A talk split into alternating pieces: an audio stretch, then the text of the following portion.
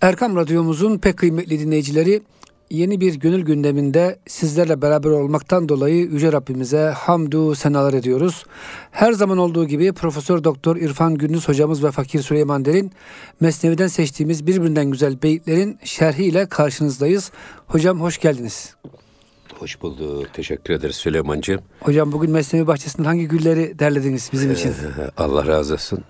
Dinleyicilerimize en kalbi selam ve saygılarımızı ileterek 525. beyt. Eyvallah. İkinci cilt. Mesnevi'nin ikinci cildinin altıncı beyti. Eyvallah hocam. Çok güzel bir şey ya. Evet gerçekten. hocam günümüz şeyine uygun biraz. Mevlana Evet. bayağı bir e, siyasi konulara da giriyor zaman zaman. Şimdi böyle bir şey var. Tefeül var şeyde. Evet. Mesnevi'de mesela ya da e, çocuğunuza isim koyacaksınız. Evet. Abdest alırsınız güzelce. Öyle niyet edersiniz. Kur'an-ı Kerim'i açarsınız. Sağdan itibaren başlarsınız. İlk gelen ismi korsunuz. Hmm, bu tefeüldür. Yani tefeül diyorlar. Bu bazen de Mesnevi'den yapıyorlar böyle. Mesnevi açıyorlar. Evet. Mesnevi'den okuyup geliyorlar. Oradan e, gelen ilk sıradaki ismi de tutup koyuyorlar. Yani böyle bir şey var. E şimdi burada da sanki tefeül olmuş gibi günümüzdeki olan olaylar karşısında da gerçekten bize ışık tutan Evet. i- ibretamiz nasihatler var Hazreti Pir'in. Sad hezaran e, nize-i firavun ra. Bak. Derşikestez Musi-i bayek asa. Firavun'un yüz binlerce mızraklı ordusunu, sihirbaz ordusunu, Allah Allah. suya düğüm çalacak kadar mahir, bak sahir, büyücü, göz boyayıcı, o Firavun'un ordusunu e, Hazreti Musa bir tek asasıyla yerle bir etti. Evet. Burada el hakku ya'lu ve la yula aleyh. Hak daima galip gelir. Asla mağlup olmaz. Yeter ki haklı Onun üzerine hiç kimse galebe çalamaz. Hak gü- gücün ve güçlünün sembolüdür. Hak. Yani e, haklıysan güçlüsün. Haksızsan en zayıf sensin. Bak zenginlik, para, pul, acı, kuvvet filan haklılığın ölçüsü değildir. Şimdi diyorlar ya hani var mı pulun alem kulun, yok mu pulun yokuştur yolun. Yani zenginsen her zaman haklısın. Öyle değil hocam. Öyle diyorlar ama öyle değil. İşte haklıysan senden güçlü hiç kimse yok. Hatta ben bunu hep şöyle söylerim. Haksızlar, hainler, hırsızlar çok korkak olur. Onların gücü zifiri karanlığa benzer. Onların bütün gücü ne kadar güçlü gözükürlerse gözükürse, gözüksünler bir kibrit çakıncaya kadardır. Kibrit çaktı mı o zifiri karanlığın gücü darmadağın oluverir. Hocam, İşte 15 Temmuz'da bunu görmedik mi? ge- evet. Toplar, tüfekler, tanklar, Ya, F-16'lar. ya, yani hocam bunun karşısında kim ya, durabilir? ya.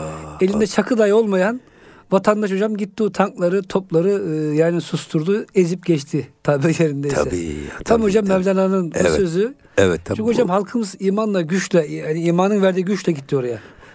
Ben bir şey söyleyeyim mi Buyurun size? Yani biz zannediyorduk ki ya Türkiye'de toplumsal yapı değişti, bozuldu, erozyona uğradı. Ne kadar er- ne hocam, kadar doğru. erozyona uğratırlarsa uğrasınlar. Eğer söz konusu vatansa, Bir de imanı var söz hocam. konusu bayraksa, söz konusu ezansa vallahi her şey teferruat. Fabrika ayarlarına geri ve bu- dönüyor. bunu e, bizim aziz milletimiz en güzel şekilde tanklara karşı gösterdi. Evet. efendim toplara karşı gösterdi, helikopterlere karşı, o savaş uçaklarına karşı gösterdi.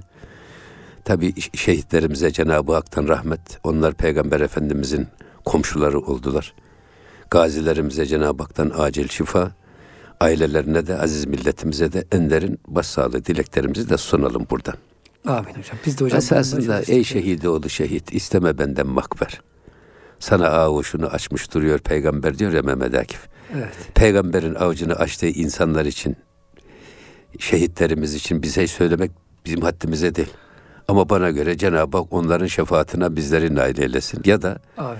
bizleri de onların yolunda onlar gibi şehit olmayı nasip eylesin. Vallahi hocam herkes onu söylüyor. Çok gıpta edilen bir şehitlik oldu bu evet. sefer. Her bir hocam ayrı bir hikaye ve her bir ayrı bir gıpta konusu oldu yani. Tabi burada yanlış ne kadar güçlü olursa olsun, hırsız ne kadar güçlü olursa olsun, hain ne kadar güçlü olursa olsun, hiç hani ve mekeru ve mekerallah vallahu hayrul makirin Cumhurbaşkanımız sık sık tekrar ediyor. Evet. Herkesin bir hesabı var, herkesin bir hilesi var ama yalnız Allah'ın hilesinin önünde hiç kimse duramaz.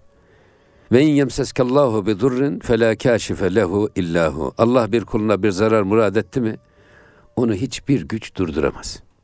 Ve men yuridke bi hayrin fela rahatte li fadli. Allah bir kuluna da bir fazilet, bir lütuf, kerem murad etti mi ona da mani olacak hiçbir güç yoktur. Yusibu bihi men yeşâ'u min ibadi. Dilediği hayrı, dilediği şerri, dilediği yerde ve dilediği zamanda, dilediği kuluna verme gücü ona aittir. Ona isabet ettirir. Ve huvel gafurur rahim. Siz gafur ve rahim olan Allah'a dayanın, ona sığının. Yani o e, benim iman dolu göğsüm gibi e, serhattim var. Ulusun, korkma. Nasıl böyle bir imanı var? Medeniyet dediğin tek dişi kalmış canavar. Şimdi yıllarca bizi Batı medeniyetine özendirdiler. Hiç gördünüz mü siz batılı bir ülkeden bize taziye gelsin? Gelmedi hocam. Amerika'dan geldi. Amerika'dan geldiğini var, duydum. İngiltere'de telefonu açtım. Nasıl durumlar dedim. Hepsi ağlıyor dedi. Niye ağlıyorlar dedim. Darbe başarısız oldu diyor hocam. Ya. Bütün batı basını yatıp kalkıp ağlıyor. O yüzden Mısır'da yapılan darbeye nasıl arkasında durdular, nasıl sevindilerse bizdekine de aynı şey yapacaklardı. Ama bizim milletimizin özündeki o iman ne kadar üstü küllense de o külü böyle elinin tersiyle sıyırı verdiler ve herkes ortaya çıktı. Ölüme boğazına. Eyvallah hocam. Aynen bunun gibi bak binlerce mızraklı, sihirbaz, göz bağlayıcı, efendim yanlışı doğru gibi gösteren, böyle albenili reklamlarla milleti aldatmaya çalışan, hatta hatta Allah'la aldatanlar. Evet. Tolerans, ben bunu, barış, ben bunu, sevgi diyenler. Ben bunu hep şey söylüyorum. Şifalı tas içinde siyanür sunanlar. Evet. Hani birisi çıktı. Hava üstünde arsa arıyormuş. hava üstünde arsa arayan takiyeci köstebekler diye söylüyorum ben onlara. Evet hocam. Yani hava üstünde arsa mı aranır? Yani. Şimdi ama bunları Hazreti Musa bir asasıyla yok ediverdi. Eğer siz haklıysanız sizden güçlü yok. İşte Hazreti Musa hakkın sembolüdür. Ve bir asasıyla o iplikleri yılan yapan, o Firavun'un ellerinde, ellerindeki mızrakları da, teberleri de, nacakları da, silahları da bir anda yok oluverdi. O ejderha onu yutuverdi gitti. Bir asa darbesi hepsini... Bir asa darbesiyle hepsini yok etti. Bu Musa Firavun kıssası tabii çok önemli olarak yorumlanır Mesnevi'de. Evet. Musa ve Firavun kıssası. Niye çok ciddi yorumlanır? Bizde genellikle Kur'an-ı Kerim'in hemen hemen yani e, üçte ikisi kıssalardır. Evet. Ama kıssalar esasında tarihteki olayları anlatan, belki onları doğrultan, Tevrat'ın ve İncil'in saptırdığı, efendim peygamberlerin hayatlarını bize doğru olarak nakleden kıssalar ama bu kıssaları Hazreti Pir diyor ki siz Hazreti Musa ile Firavun arasındaki geçen o kıssayı evet. sakın ola ki tarihte olmuş bitmiş de sonra unutulmuş ve tarihin tozlu raflarında arşivlerde yerini almış bir olay olarak algılamayın. Ama bize böyle algılıyoruz yalnız. Maalesef hocam. Tarihte geçmiş. Bakın, Halbuki evet. öyle değil. Yani Sayın Başkanımızın geçen e, çok güzel bir şeysi vardı. Altınoğlu hem, hem radyomuzda bir program Mehmet yaptılar. Beyefendi. Orada söyledi biz Kur'an okuma seferberliğine ayırdığımız vakti maalesef Kur'an'ı anlama seferberliğine dönüştüremedik. Evet. Halbuki Cenab-ı Hak ne, ne zaman ne kadar ne zaman düşüneceksiniz? Ne zaman aklınızı kullanacaksınız? Bu Kur'an-ı Kerim'i ne zaman enine, boyuna, derinliğine değerlendireceksiniz? O yüzden e, bu anlama konusunda da bize bir ölçü veriyor Hazreti Pir. E diyor ki bu Musa ve Firavun kıssası her insanın Yahudi, Hristiyan, ateist, deist kimse kendi içinde her an yaşanan dipdiri canlı bir hadisedir. Çünkü diyor Cenab-ı Hak insanın mayasının yarısını meleki hasletlerle yarısını da şeytani hasletlerle donatmış ve ikisini birlikte yoğurmuş. Yani kendi içimizde sürekli şeytanla meleğin kavgası var. Evet. Efendim ruhla nefsin kavgası var. İşte burada ruh Hazreti Musa'nın nefs de Firavun'un sembolü. Gönüllü de Nil denizine benzetiyor. Diyor ki bak Musa ve Firavun kendi içinde sürekli kendi mallarını sana pazarlamak için reklam yapan, tellallık yapan insanlar gibidir. Onlar kendi pazar mallarını sana pazarlamak istedikleri için en güzel ambalajlar içinde kendi düşüncelerini sana satmaya çalışırlar. Ama sen aklını topla da diyor. Aklınla, imanınla, bilginle, bunların yetmediği yerde peygamberinle, onların yetmediği yerde peygamberin getirdiği kitapla, kendi içindeki Musa'yı dirilt, Firavun'u boğ ki o gönlün elinde, o zaman diyor insan olasın, sultan olasın. Hatta biraz daha ileri gidiyor Hazreti Pir. Eğer bir insan kendi içinde ruhunu iktidar yapar da nefsini susturursa, O insan Cebrail'den daha yüce bir varlık, meleklerden daha yüce bir varlık olur. Çünkü meleklerin kendi içinde böyle yenecekleri bir direnç yok. Kendi işlerinde kendilerine haramları helal gibi gösteren, Allah'ın yasaklarını süsleyerek, senin ayağını kaydırarak o haramları sana işletmeye çalışan böyle bir güç onlarda yok. Sürekli onlar itaatle mükellef yaratılmış. Ama biz içimizdeki o düşmanı yenerek, Efendimizin ifadesiyle, gerçek başpehlivan rakibini tuştan değil Kırkpınar'da, er meydanında, esas nefsini, heva ve hevesini tuşlayan insandır. Hatta yine Mevlana'ya soruyorlar, efendi kimdir? Köle kimdir? Efendi nefsinin ve isteklerinin emiri olan, köle ise esiri olandır diyor. Köleliği de dışarıda aramayacaksınız. Efendiliği de dışarıda aramayacaksınız. Bak, efendilik de içimizde, kölelik de içimizde. İşte içimizdeki Musa'yı iktidar yaparsak efendi biziz. Yok içimizdeki Musa'yı kovar da, o gönül nilinde Musa'yı boğar da, Firavun'u diriltirsek, nefsimiz iktidar olursa, o zaman hiç başka yerde köleliği arama. Siz nefsinizin kölesisiniz. Siz tutkularınızın, bağımlılıklarınızın e, kölesi, heva ve heveslerinizin kölesi haline gelirsiniz. Kulu haline gelirsiniz. Hocam Mesnevi'de güzel bir hikaye var. Bir padişah diyor ki bir sufiye, dile benden ne dilersen. Sana diyor para pul vereyim deyince, ya diyor ben gibi efendi diyor sufi. Sen gibi bir köleden ne isteyebilir ki? Diye padişah afallıyor. Ya diyor nasıl ben kölem olur ben padişahım deyince yok diyor. Sen diyor şehvetin ve dünyanın kölesi olmuşsun. Ben ise o ikisini köle yaptım kendime. Efendi oldun diyor. Dediğiniz gibi hocam gerçek kölelik yani ma- maalesef bugün çokça gördüğümüz Gene dışarıda arıyoruz. İnsanın kendi nefsine hiç dışarıda aramıyor. Köleliği de, efendiliği de Ya. içimizde arayacağız. doğru. Bütün mücadele kendi içimizdeki o mücadelede biz imanı galip kılmak, ruhu galip kılmak, meleği galip kılmak olmalı. Ahlakı haseneyi, güzel ahlakı galip kılmak olmalı. Aksi halde eğer bir insan kendi içinde Firavun'u diriltir, nefsini hakim kılarsa o da canavardan daha adi ve tehlikeli, belhüm edal sırrına göre bir varlığa dönüşür. Bu tip insanları da çok görüyoruz bugün Maalesef. kendi milletin kendisine emanet ettiği üniformayı, rütübeyi, silahları alıp milletin üstüne mermi olarak kusan, bomba olarak kusan bir iradeyi düşünebiliyor musunuz? Nasıl Bunlar hayvanlardan da daha adi. Yani e, en yırtıcı hayvan karnı tokken asla avlanmaya çıkmaz. Asla. Açken o da kendi karnını doyuracak kadar gider yer, avlar, artanını da e, e, diğer hayvanlara bırakır. Yani böyle Bunlar, şey. bunlar hocam tokken keyfine sanki Ya. değil mi? Ya neyi yiyeceksin Allah aşkına? Allah Allah, korusun. göstermesin hocam. Buyurun. Evet yine bu minval üzere Hazreti Bir diyor ki saat sad hezaran tıbbı caluni subut. Bu Calinus tıp ilminin kurucusu. Eski Yunan Evet e, eski şeyinde- Yunan mitolojisinde. Evet. Onun yüz binlerce tıbbi devası, hastalıklara ilacı var idi. Ama pişi İsa bu demeş o İsa'nın önünde ve İsa'nın o nefesi karşısında Calunus'un her türlü tedavi yöntemleri iflas etti. İflas kenara gitti. Yani bugün tıbben tedavi edemeyecek, edilemeyecek pek çok hastalıklar. Bu da Hazreti İsa Aleyhisselam'ın mucizesi. Evet. Ama olan gözleri açıyor. Ölüyü diriltiyor sıvazlayarak.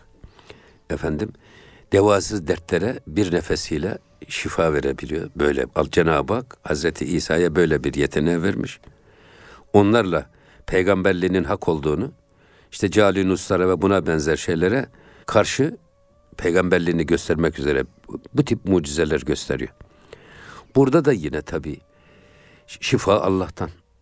Ama Cenab-ı Hak devasız dert vermemiş. Hocam buradan Ölümün şunu anlayabilir dışında. miyiz? Yani Allah'ın desteği bizimle olduğu zaman Evet. akıl akıl da bir yere kadar hocam. Tabii ki akıllı kullanacağız ama akıllı putlaştırırsak neticede işte Firavun'un düştüğü hale düşeriz. E, tabii. E, tabii Askerim yani. var, silahım var, haklıyım diyor. Şimdi akıl dediğiniz nedir? Akıl.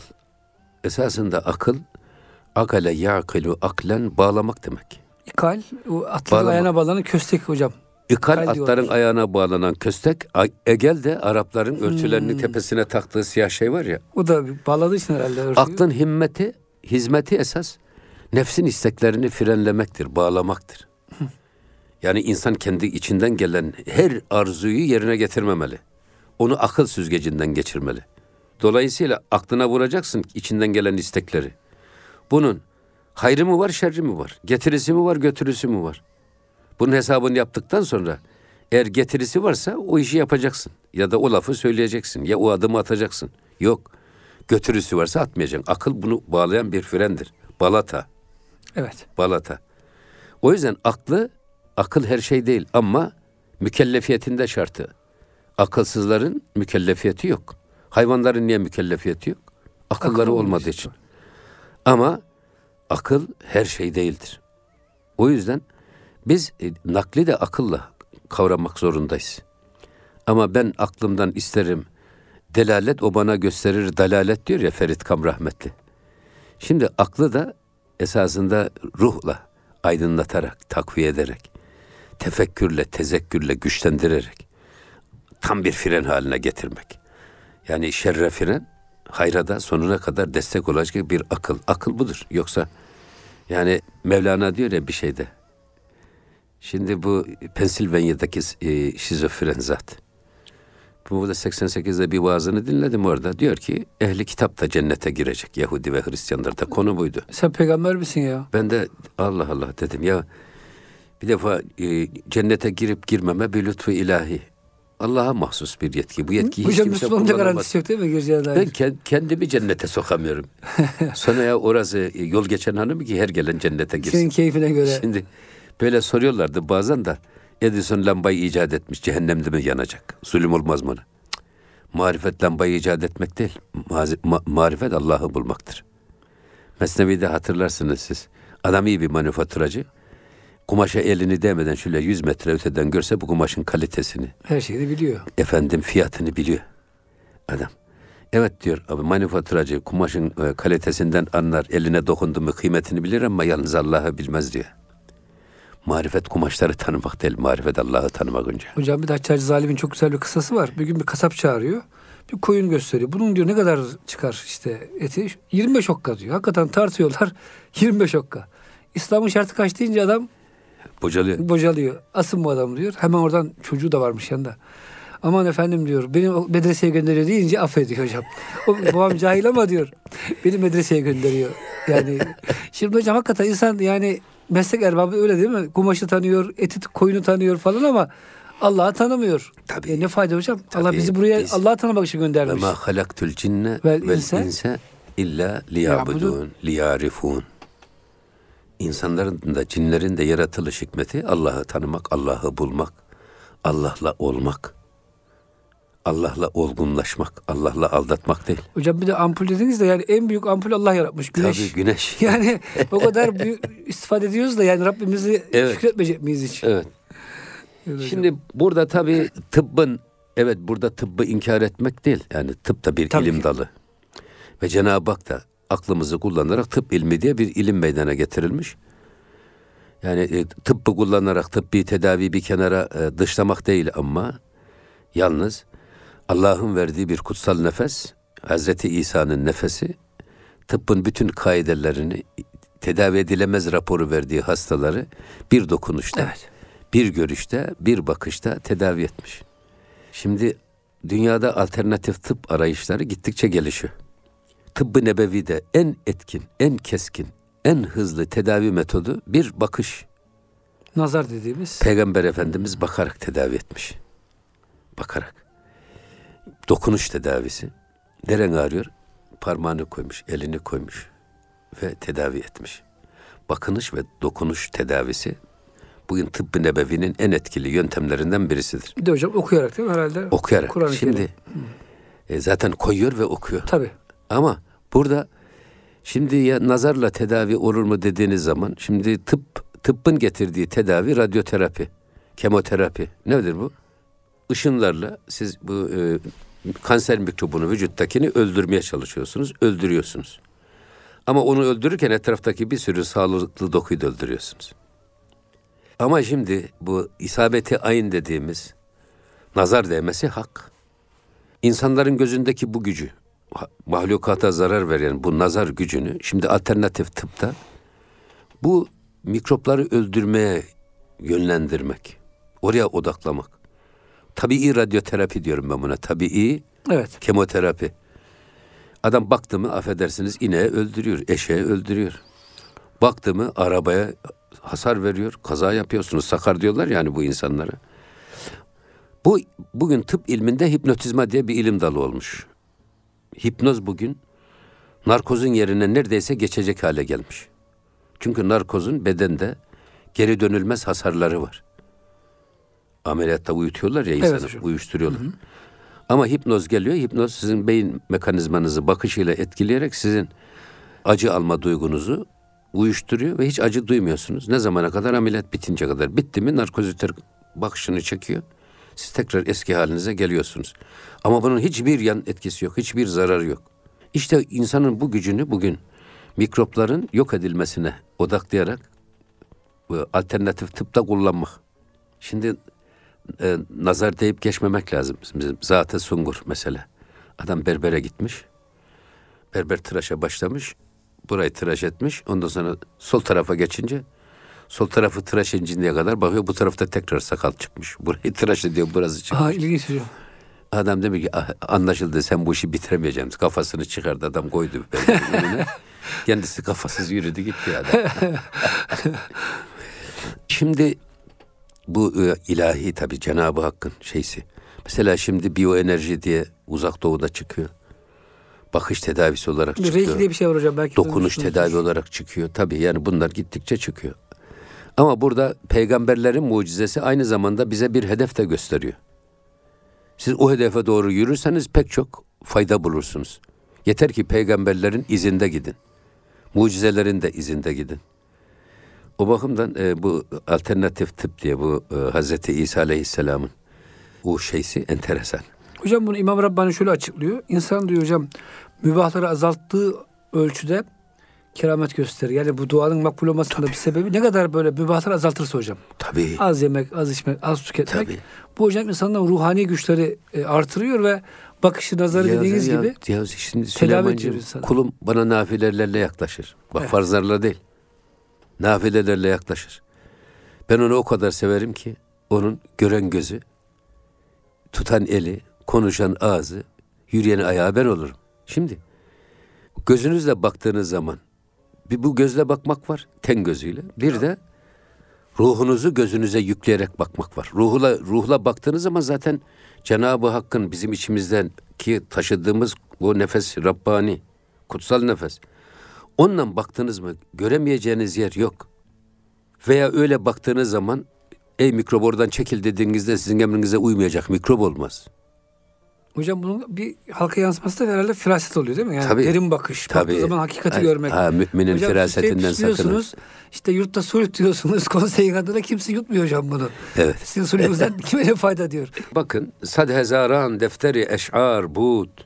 Yani binlerce e, şairlerin defterleri var, kitapları var, divanları vardı. Ama pişi harfi ümmiyeş bu arbud. Bak, ümmi bir peygamberin getirdiği Kur'an karşısında onlar bir utanç vesikasına dönüşmüştü.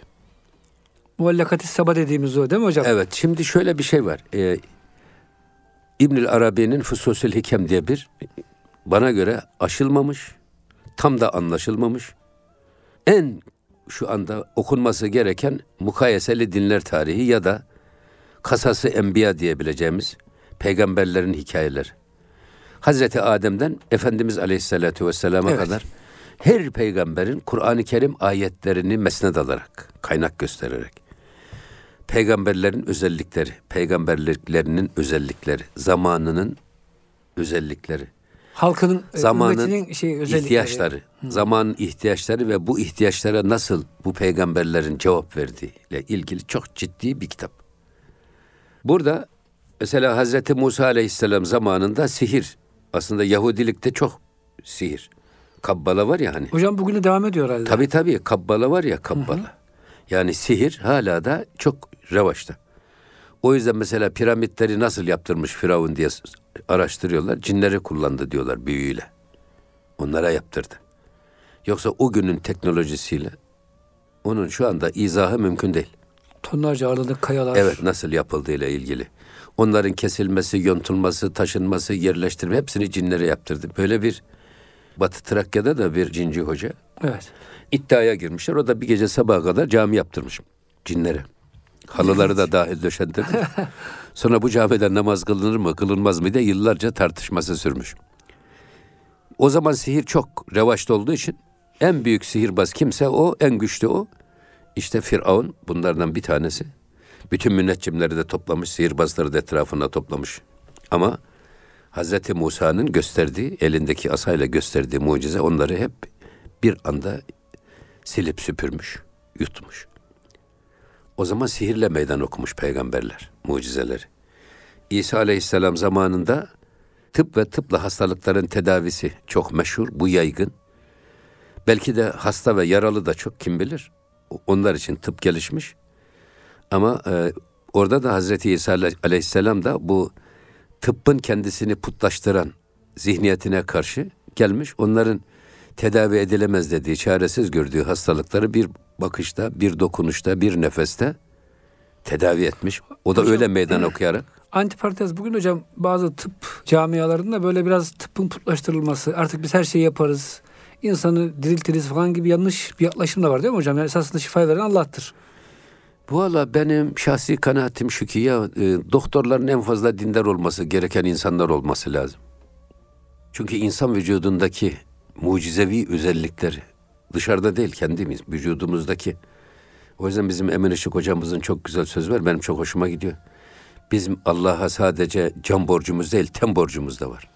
Beden borcumuz. Beden borcumuz yani tenimizdeki o mucizeler, tenimizdeki Cenab-ı Hakk'ın o kudretinin eserinin yüceliği, kulağımız.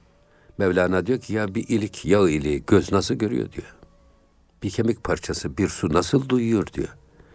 Bir dil, Nasıl konuşuyor? yok, nasıl konuşuyor. Bir el nasıl tutuyor. Bu beyin e, nasıl bu kadar hızlı çalışıyor? Nasıl, nasıl algılıyor? Yani bunların hepsi bir ayrı bir mucize. Bizim e, hanımın ayağına bir e, çamaşır asarken cam battı. Alttan. Sonra sabaha kadar ayak şişti filan. Allah Allah. Doktorlara götürüyoruz hiçbir şey gözükmüyor. Röntgen çekiyorsunuz gözükmüyor. Cam MR mi gözükmüyor? MR çekiyorsunuz gözükmüyor. Sonra bir doktora gittik. Doktor da tuttu aşağıdan bir şey vurdu. Neşter. İçindeki apse çıksın diye. Çıkmadı da. Sonra yine başka bir doktora gittik. Orhan Sengir profesör doktor Allah hayattaysa uzun ömür versin. O bir gördü onu ya bunu kim bı- bıçak vurdu bu ayağa dedi. Bu adamın doktorluğunu iptal etmek lazım. O kadar yani. Hızlı. Ya hocam dedi Cenab-ı Hak ayağı öyle bir yaratmış ki bugün tırdan daha güçlü dedi. Allah Allah. Şimdi bir ayağın dedi taşıdığı yükü. Şimdi siz adamın boyu, ağırlığı ve saliseyle çarpın. Salise. Hatta saliseden de daha kısa bir zaman. Her an onu taşıyor o ayak. Bir tırdan daha fazla yük taşıyor bu ayak. Onun için Cenab-ı Hak öyle oralarda kasları böyle birbirine geçmeli, eklemeli yapmış ki dedi. Bu yeteneğe sahip olsun. Buradan birisine dedi neşter vurduğunuz zaman halal gelse ayak çarpık verir ve bir kilo bile yük taşıyamaz hale gelir. Ayağa bıçak vurulmaz dedi. İlginç. Ya sonra ilaçlar verdi filan. Neyse baktık ilaçlarla da olmuyor. Ben ertesi gün gel hanım dedim. Şu ayağa güzel bir dedim bir soğan saralım. Soğandan dokun. Hocam çok yapar evvelden köylerde soğan, Ve hamur, gerçekten so- et. e, so- soğanı pişirdik. Biraz da lokumla beraber sardım. Aşağıdan giren cam sağdan topuğun üstünden çıktı. Oradan çekti onu. Ama ufacık cam parçası hemen etrafını vücut yağ dokusuyla kaplamış ki dolanırmış o. Vücuda zarar vermesin diye. O yüzden gözükmüyor şeyde. Ama şeyde röntgende falan gözükmemesinin sebebi oymuş. Bak bir ayaktaki ayaktaki Sanata bak hocam. sanata bakın. Şimdi bunu bile bile bir insan nasıl dini duyguları zayıf olur? Göz öyle, kulak öyle, dil her öyle, şey, burun her öyle şey, hocam. her şey, her şey.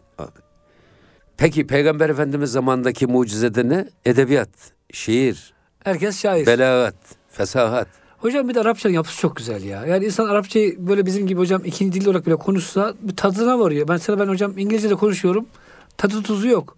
Ama Arapça konuştuğum zaman böyle bir yani insan hakikaten dilin içine giriyormuş gibi bir hal. Ya bir defa Arapça gerçekten ilim dili, belagat dili. Mesela Arapçada 721 ayrı deve ismi var. Of. Tek tek. Belki bunların çoğunu siz belki bir cümleyle ancak o deveyi tarif edersiniz. Orada tek cümle. Bu kadar zengin. Bir kökten kaç tane kelime türüyor düşünün. Bin küsür. Evet. Nasara'dan kaç tane kelime türüyor. Ve siz bir Nasara'yı bildiğiniz zaman o kökten türetenlerin hepsini böyle biraz akıl yürütmeyle manasını çıkarabiliyorsun. Katip, mektup, Şimdi kitap, bizde bu bir öz öz Türkçecilik Türkçe başladı ya. Maalesef. Şimdi ilimi bilgi yaptık. Alimi bilgin yaptık. Tamam. Ya ama biz e, bu sefer ilimden türetilmiş ne kadar kelime varsa hepsi silindi zihnimizden. Talim gitti, talimat gitti, muallim gitti, muallime gitti, malumat gitti, muallem gitti, Ya. ilam gitti. Bak şimdi kısmını hala kullanıyoruz ama anlamadan kullanıyoruz artık. anlamadan kullanıyoruz Tabii. tabii. Bu esasında bizim dilimizi İslam kültüründen, Kur'an ve hadis kültüründen koparmak için özellikle şey yapıldı bu iş. Yerine tamam ilimi kaldırdın da bazı çoğu zaman da batıdan kelime getirip koydular.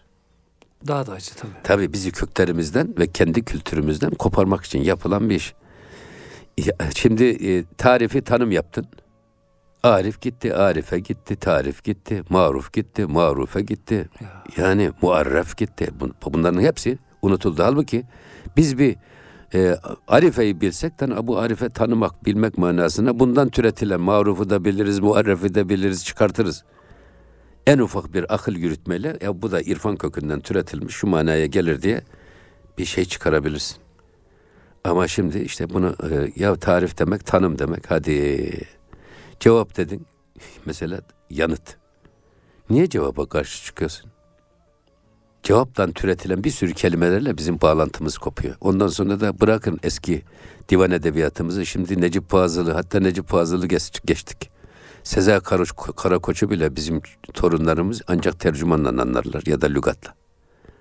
Böyle bir nesillerin kendi kültüründen koparılmasının bir şeysidir bu. O yüzden bizim bu konuda köklerimizle buluşmaya özellikle gayret göstermemiz lazım. Hocam Allah her dile, her millete bir özellik vermiş. Türkler asker millet hocam. Biz savaşı çok güzel beceriyoruz. Değil mi hocam? İşte çıplak ellerle şimdi- tank durduruyoruz. Şimdi Süleyman'cığım bak ben zorunlu askerliğe karşıydım.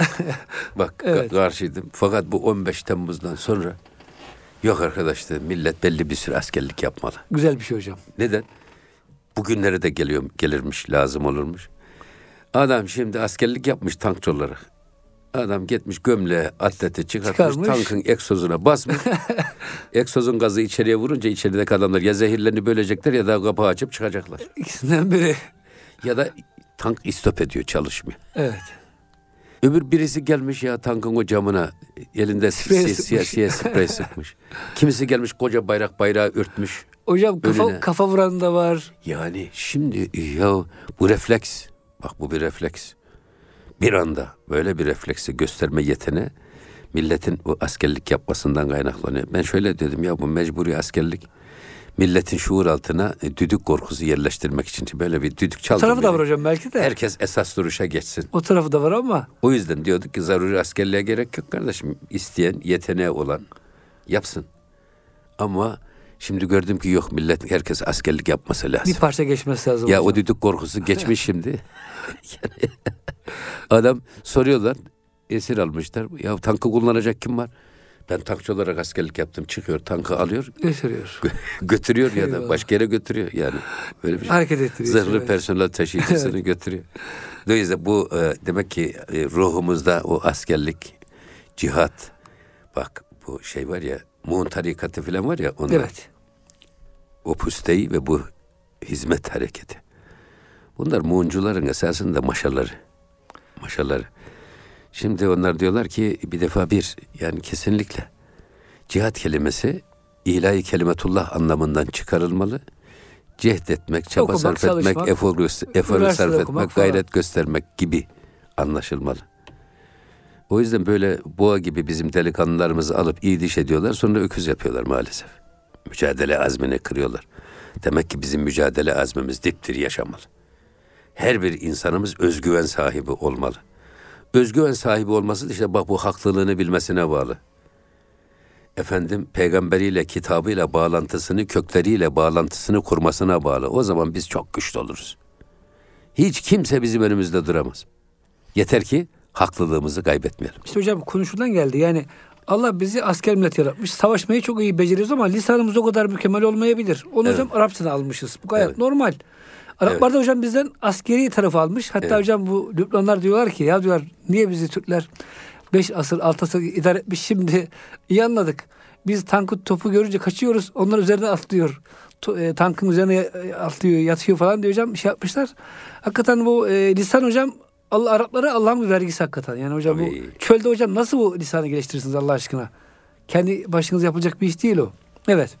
Şimdi dolayısıyla Kur'an-ı Kerim'in fesahat ve belagati de gerçekten o muallakatı seba dediğimiz Araplarda şiir yarışmaları yapılıyor her yıl. Evet. Sukul Ukaz'da. İlk yedi dereceye girenler orada asıl, asılıyor, sergileniyor hac ibadeti süresi içerisinde. Ama Kur'an-ı Kerim geliyor Cenab-ı Hak öyle meydan okuyor ki eğer siz fe'tü bi ayetin min mislihi ve o şühedâeküm diye başlıyor. Eğer Allah'ın dışında ne kadar yardımcılarınız varsa onları da çağırın, getirin. Şu Kur'an-ı Kerim'in bir tek ayetine benzer bir ayet getirin. Meydan okuyor. Getiremiyorlar. Getirmeye çalışanlar oluyor. Ama sonra bakıyorlar adamlar kendileri yırtıp çöpe atıyorlar. Ve onu dinleyenler de biliyorlar ki bu diyorlar bir mahluk kelamı değil. Bir insan kelamı değil. Bu kelamda farklı bir diziliş, farklı bir özellik, farklı Üslup, bir... hep şey farklı hocam. Her şey farklı. Manasıyla, okunmasıyla, efendim söyleyişiyle farklı. O yüzden Peygamber Efendimiz de getirdiği ümmi olduğu halde. Bak bu ümmi olduğu halde, ümmi bir peygamberin getirdiği. Ümmi ne demek? Hiç kimseden okumamış. Eğitim almamış. Eğer okumuş olsa, müderris olsa icazetli, herkes der ki bu kendi kafasından yazdı. Eski kitaplara baktı. Eski kitaplara baktı, oralardan intihal etti derler. Oralardan apardı, çaldı derler. Halbuki bir, ümmi olan bir peygamber bir çırpıda da getirmiyor. 23 senede tamamlanıyor vahiy. 23 sene sürüyor. Ve vahyin gelişi de bir mucize. Bazen olaylar üstüne geliyor. Evet. Bazen Peygamber Efendimizin ve ashabının sıkıntılarını çözmek üzere Cenab-ı Hak ayet indiriyor. Bazen sonradan gelecek tehlikeleri önceden haber vererek tedbir almalarını istiyor Peygamber Efendimizin ve ashabının. O yüzden Kur'an-ı Kerim tertibiyle de mucize, kelamıyla de mucize, manasıyla mucize, derinliğiyle de mucize. Esas bizim görevimiz Kur'an-ı Kerim'i de gerçekten İnşallah bu çok değerli Diyanet İşleri Başkanımız o söylediklerini hayata geçirirler. Kur'an-ı Kerim okuma, Kur'an kurslarında Kur'an-ı Kerim okumaya ne kadar değer veriliyorsa Ezberlemeye. İmam Hatiplerde de, ilahiyat fakültelerinde de, dini öğretim yapan her müessesede bizim bir de Kur'an'ı anlama seferberliğine doğru gitmemiz lazım. Dolayısıyla şimdi Kur- Kur'an'ı nasıl anlayalım, Kur'an nasıl anlaşılmalı gibi böyle sözüm ona kendi bazı hocalar var. O hocalar da insanları Kur'an'dan saptırmaya çalışıyorlar. O yüzden bizim gerçekten Kur'an-ı Kerim'i enine, boyuna, derinliğine bugünün insanın ihtiyaçlarına cevap verebilecek tefsirler yazmamız lazım. Eyvallah hocam. Belki de bu tefsirleri bugün bir tek kişi kendi bakış açısıyla, kendi uzmanlık alanı açısından bakarak yaparsa eksik olur o tefsir. Belki de çok değişik uzmanların bir araya gelerek aynı ayetler üzerinde kafa yorup Komisyon olarak. onların yaptıkları tefsirin çok daha kıymet ifade, ifade edeceği kanaatindeyim. Ben. Çünkü bazı ayet-i kerimeler var. Biz ilahiyatçıyız. Ya, dini açıdan meseleye yaklaşıyoruz. Ama tıbbi ilgilendiren ayetler Ama var tıbbı mesela. ilgilendiren ayetler var. Metalürji ilgilendiren ayetler Tabii. var. Efendim madenler ilgilendiren ayetler var. Tıbbı ilgilendiren ayetler var. Oralara geldiğimizde biz es geçiyoruz. Astronomi var. Tabii her şey var. Her şey Hepsi var. var hocam. Her şey var. Ekonomi var. Mesela bugün bizim ekonomistlerimiz Kur'an-ı Kerim'deki ekonomik, iktisadi emir ve yasakları bilmiyorlar. Şimdi ilahiyatçılarımız da ekonominin dinamiklerinden habersiz. Dolayısıyla her iki tarafında yaptığı yorum Eksik oluyor. eksik oluyor. Bunları birbirlerini tamamlayıcı bir şeye girmemiz lazım. Bana göre herhalde Diyanet İşleri Teşkilatımız bu işin şu anda farkında. Bir de bu sapık, kerameti kendinden menkul, Kur'an-ı Kerim ve sünneti anlamak ve anlatmak değil de Kur'an-ı Kerim ve sünneti eğip bükerek kendi inançlarına adapte etmeye çalışan sapık düşüncelerin yok olması için de buna şiddetle ihtiyacımız var.